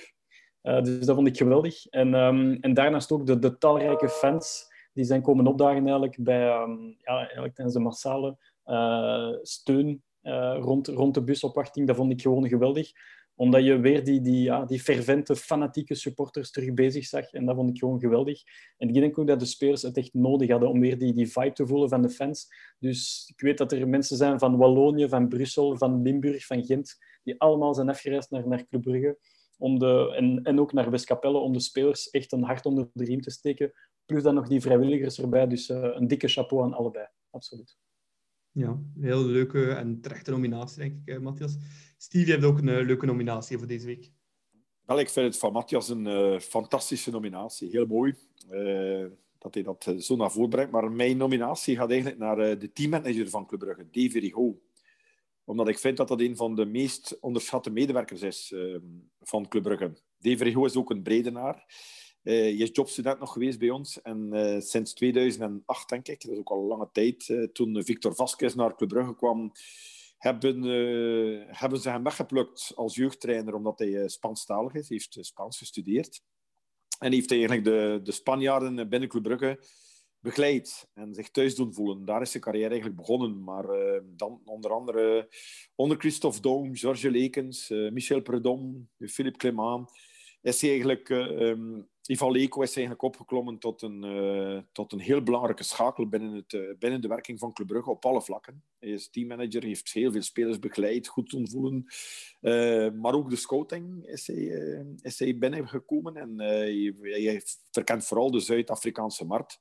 Maar het is een heel loyale medewerker, met een hart voor Club Brugge, een keiharde werker, die ook zijn job ten harte neemt. Maar het is ook een heel fijn persoon als mens. zeer intelligent, zeer eerlijk, correct. En uh, daardoor vind ik dat, uh, ja, je hoort nooit niet veel over hem. En ik vind dat Dave Rigo voor zijn vele jaren dienst bij Club Brugge en zijn loyaliteit en zijn werkkracht en zijn meerwaarde die nominatie verdient. En ik zou het ongelooflijk tof vinden moest hij uh, hem dit deze week een keer kunnen krijgen. Ja, het is een heel mooie nominatie en volledig terecht, denk ik ook. Davy Rigo. Het is iemand die altijd een beetje in de coulissen werkt. Je ziet hem soms een keer op een filmpje passeren, maar het is iemand die ongelooflijk veel werk ook verricht voor club. Dus Klopt. ik vind het niet meer dan terechte nominatie. ik zelf heb een... Um, ook een nominatie deze week. Het is een, uh, geen speler eens, maar uh, een supporter in het uh, bijzonder. En het is Rick de Brabander. Um, de naam zegt veel supporters waarschijnlijk niet veel, maar als ik kan zeggen dat de man is die zijn auto en zijn hond Rafa heeft genoemd, um, dan wil ik die man deze week absoluut even hard onder de riem steken. Um, ik toevallig heb ook, weekend krijg ik ook een hond in huis. Ik heb ook even overwegen om, overwogen om hem Odilon te noemen na Odilon Kosunu. Ik heb het dan uiteindelijk wijselijk niet gedaan, omdat, om diezelfde reden. Stel je voor dat hij ooit voor Anderlecht speelt, dan uh, kom ik niet meer op. Dus om Rick de Brabander een uh, hart onder de riem te steken, wil ik hem graag nomineren. Fantastisch. voilà. Um, maar er moet iemand winnen natuurlijk even voor de Cash Cup deze week. En ik vind eigenlijk, Matthias, ja, je nominatie van de supporters is heel mooi, maar ik vind Davy Rico die mag toch echt wel eens in de bloemetjes gezet worden. Hè? Ja, absoluut. Ja, Davy, Davy, zoals Steve zegt, ondergewaardeerd. Uh, dat is iemand die ik persoonlijk altijd ook een beetje heb gevolgd bij Club, want ik spreek persoonlijk ook Spaans. En, en ik, vond, ik vond gewoon hetgeen dat hij deed bij Club, was zo'n beetje mijn droomjob als, als student toen. En, en, echt zo de Spaanstalige spelers mogen begeleiden. En, en de manier waarop dat hij opgeklommen is, maar nooit op, op een ja, een beetje no-nonsense manier niet uh, de dikke nek uithangen of arrogant doen of zoiets. Uh, altijd heel correct, heel eerlijk. Um, en uiteindelijk, ja, Club heeft net een teammanager aangeworven van, van KV Mechelen, zodanig dat hij ook kan opklimmen richting scouting, waarbij dat hij ook heel zijn know-how en intelligentie kan, kan vervoegen. Dus uh, een fantastische nominatie en ja, Davy verdient het absoluut. Zeker Super, dank u wel. Dan gaat de Cup naar Davy, of richting Davy Rigo in elk geval. Dus niet meer dan terecht deze week. Bon, dan komen we op het allerlaatste puntje van uh, de podcast van deze week. En dat is uh, de vooruitblik naar de volgende wedstrijd. Dat is ja, weer al een topper, want het zijn enkel maar toppers in de play-off 1. De topper op het veld van Racing Genk. Um, Matthias, is dat op papier de moeilijkste match in deze play-offs? Mm, ik denk het niet. Ik denk dat dat club het altijd lastiger heeft tegen Antwerp. Maar dat is mijn persoonlijk gevoel. Uh, Antwerp is altijd de meest fysieke, lastige tegenstander van allemaal. Nu, met het feit dat Refailov misschien niet gaat spelen, wordt het misschien een tikkeltje gemakkelijker. Uh, maar ik denk dat club het altijd moeilijker heeft tegen, tegen fysieke tegenstanders. nu ja, Genk is op dreef. Hè. Dat kunnen we niet, niet... Dit is gewoon zo. Ze hebben de beker gewonnen. Ze hebben toch een zeer moeilijke wedstrijd gewonnen tegen Antwerpen. Ze speelden goed. Antwerpen nam het commando over en dan toch nog erover kunnen gaan. Na, toch wel, uh, ze hebben goed gevierd, denk ik wel, na die bekerwinst. Dus, dus chapeau voor Genk. En uh, het is niet per se een ploeg waar ik veel sympathie voor heb, maar de manier waarop dat ze sinds 1998 hoeveel titels en bekers hebben zij niet gewonnen, ik vind toch dat ze heel mooi, heel mooi werk leveren daar in, in Limburg. En uh, ik, zou, ik zou Genk eigenlijk net onder club plaatsen op vlak van goed bestuur en, en goede financiën. Dus het, wordt, een moeilijke wedstrijd, dat zeker. Ja. De voorhoede van Henk met uh, Ito, Onuachu, Bongonda, ja, die zijn wel zeer sterk dit seizoen, Steve. Um, we gaan een sterke Brende Mechelen nodig hebben, hè? vrijdag. Ja, absoluut. Ik denk dat Racing Henk de tweede plaats en de voorronde Champions League verdient. Ik denk dat dat uh, absoluut zo is. Het wordt het een moeilijke match. Ik denk dat Club Brugge voor zijn beste wedstrijden gespeeld heeft voor verplaatsing dit seizoen. Ja. Uh, ze hebben daar ook de meeste punten behaald, dus dat geeft me wat moed. Uh, ook Henk is een ploeg die ons inderdaad veel beter ligt dan, dan bijvoorbeeld Antwerpen. Dus uh, ja, ik hoop toch op een gelijk spel daar. als we daar een puntje kunnen pakken, ja, dan, dan, dan zitten we perfect op schema. Winnen moet daar niet terecht. Zou natuurlijk wel leuk zijn. Maar ik vind Henk ja, geeft een uitstekende ploeg. En ja, er is een ongeschreven wet in het voetbal wie eigenlijk de topscorer heeft. En die heeft nu al 30 doelpunten gepot. Ja, die eindigt altijd bovenaan. En het is ongelooflijk dat eigenlijk Genk niet uh, dichter bij Club Brugge staat. Ze hebben ook een, uh, een, moeilijke periode gehad, want anders was dat eigenlijk de uitdager voor de titel geweest. En, uh, ik denk dat het moeilijk wordt, maar wij moeten gaan voor een puntje en daar kan ik zeker tevreden mee zijn. Gelijkspel. Ja, dat het moeilijk wordt, dat lijkt wel, ja, dat lijkt wel te vallen zijn. Maar langs de andere kant, Matthias, Genk is wel een ploeg dat club ligt. Want we hebben er wel 6 op 6 tegengepakt in de competitie. Ja, en uiteindelijk twee wedstrijden die we ook oprecht verdienen te winnen. Uh, ik herinner me die, die 1-2-overwinning begin van het seizoen met de, de kopbalgoal van Badji, denk ik. Ja. Uh, um, dat was gewoon een, een verdiende overwinning, want we waren echt wel beter. Ja, Genk onder Hannes Wolf was, was echt wel een, een ja, slechter dan, dan nu. Um, en de, en de 3-2 was ook een, een ja, dat was een beetje het begin van de, van de opflakkering van club, hè, toen dat we tien wedstrijden aan elkaar hadden gewonnen. Um, dus uiteindelijk, ja, het is een ploeg die ons ligt en, en hopelijk opnieuw uh, een nieuwe 6 op 6, 6 op 6 mogen bijschrijven tijdens de play-offs. Dat zou fantastisch zijn. Maar um, het wordt een moeilijke, maar ik zie ons er wel winnen, want zoals Steve zei, ja, uitwedstrijden doen we dit seizoen veel beter dan thuiswedstrijden. Dus uh, ik geloof er echt in. Ja. ja, en ook Clinton Matta, die komt terug in de ploeg na een weekje schorsing, Steve dat maakt toch ook al een wereld van verschil, als hij erbij is of niet. Ja, Clinton Matt is een absolute topper. Allee, ik denk dat dat eigenlijk uh, een van de revelaties is dit seizoen bij Club Brugge. Die heeft op zo hoog niveau gespeeld, gans het seizoen. De laatste weken misschien een klein beetje door vermoeidheid minder. Dus uh, die, die schorsing komt hem misschien een klein beetje goed uit. Dat hij heeft een beetje kunnen rusten en dat hij weer fitter zal zijn. Want hij was een beetje vermoeid, vond ik, de laatste weken. Maar dat is een uh, ja, zo fantastische speler qua mentality, zoals hij het zelf zegt. Uh, inzet, klasse. ja, een onwaarschijnlijk belangrijke schakel in, in het succes van Club Brugge. Dus ja, dat zal een wereld van verschil maken, absoluut. Ja. Matthias, met welke elf zou je starten? Zou je veel wijzigen tegenover de ploeg die starten um, tegen Anderlecht? Voor, mij ligt de basiselftal eigenlijk voor de hand. Dat is Mignolet, uh, Matta, Kosunu, Mechelen, Sobol, uh, Rits, Ruud, Hans en dan voorin Charles, Noah en, en Dost. Dat is, dat voor mij de enige logische uh, basiself, mits blessures natuurlijk, want je weet nooit wat er kan gebeuren deze week. Maar uh, ik zou gewoon iets terug op zijn plaats zetten. Kosonu, uh, zoals Steve daarnet aangaf, Kosonu en Mechelen is een topduo al heel het seizoen, dus laat ze terug met elkaar spelen. Ze kennen elkaar ook. En Kosonu zal weer ook zijn, zijn, ehm, zijn duo kunnen vormen, niet alleen met Mechelen, maar ook met Matta. want ik denk Kosonu en Matta Bongonda zal het, zal het moeilijk hebben. Dus uh, voilà, back to basics en dan zie ik ons wel winnen op Genk. Ja. Steve, zou je ook kiezen voor die elf? Volledig mee eens. perfecte analyse ik sluit me daar volledig bij aan. Ja. Bedankt, Steve. We zijn niet anders gewoon van jou, Matthias. eh. voilà. Ehm, dan gaan we eindigen met het eh, allerlaatste wat ik altijd vraag aan de gasten. Een pronostiekje. Racing Genk Club, Steve. Eh, 2-2. Matthias? Ik ga voor eh 1-2. Ik ga voor eh, spektakel. We hebben tot nu toe enkel veel goals gezien in eh play-off 1. Ik ga voor eh 3-4 overwinning op Henk. Uh, wedstrijd. voilà, dan zijn we nu helemaal op het gekomen van eh, onze aflevering. Steve, eh, eerst en vooral super bedankt dat je je tijd voor ons wou vrijmaken. Ik denk dat het een heel leuke aflevering was. En eh, ja, bedankt dat je erbij wou zijn. Ik hoop dat je zelf ook eh, even plezant vond als luisteren naar de podcast. Ja, dank u wel dat ik erbij mocht zijn. een keer. Ik vond het een eh, onwaarschijnlijk toffe ervaring. En eh, ja, ik ben nu nog grotere fan van jullie geworden. Dus ik zal blijven luisteren naar elke aflevering. En ook heel veel reclame maken. Want eh, jullie doen dat fantastisch. Echt waar. Chapeau. Voilà, super bedankt. Dankjewel. En ook eh, Matthias, bedankt om er terug bij te zijn. Het was de voorlaatste keer dit seizoen. Er komen nog twee afleveringen hierna.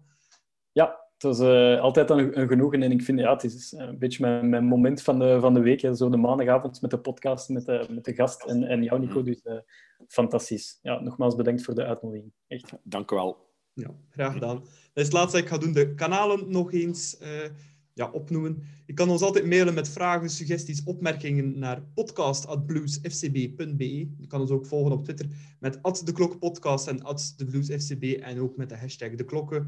En voor alle andere correspondentie verwijs ik jullie graag door naar de Facebookpagina van de Blues. Bedankt voor het luisteren en eh, tot over twee weken. Dan is Nico er terug op bij en wie weet ook een eh, speciale gast. Maar dat kunnen we nu nog niet 100% bevestigen. Tot dan.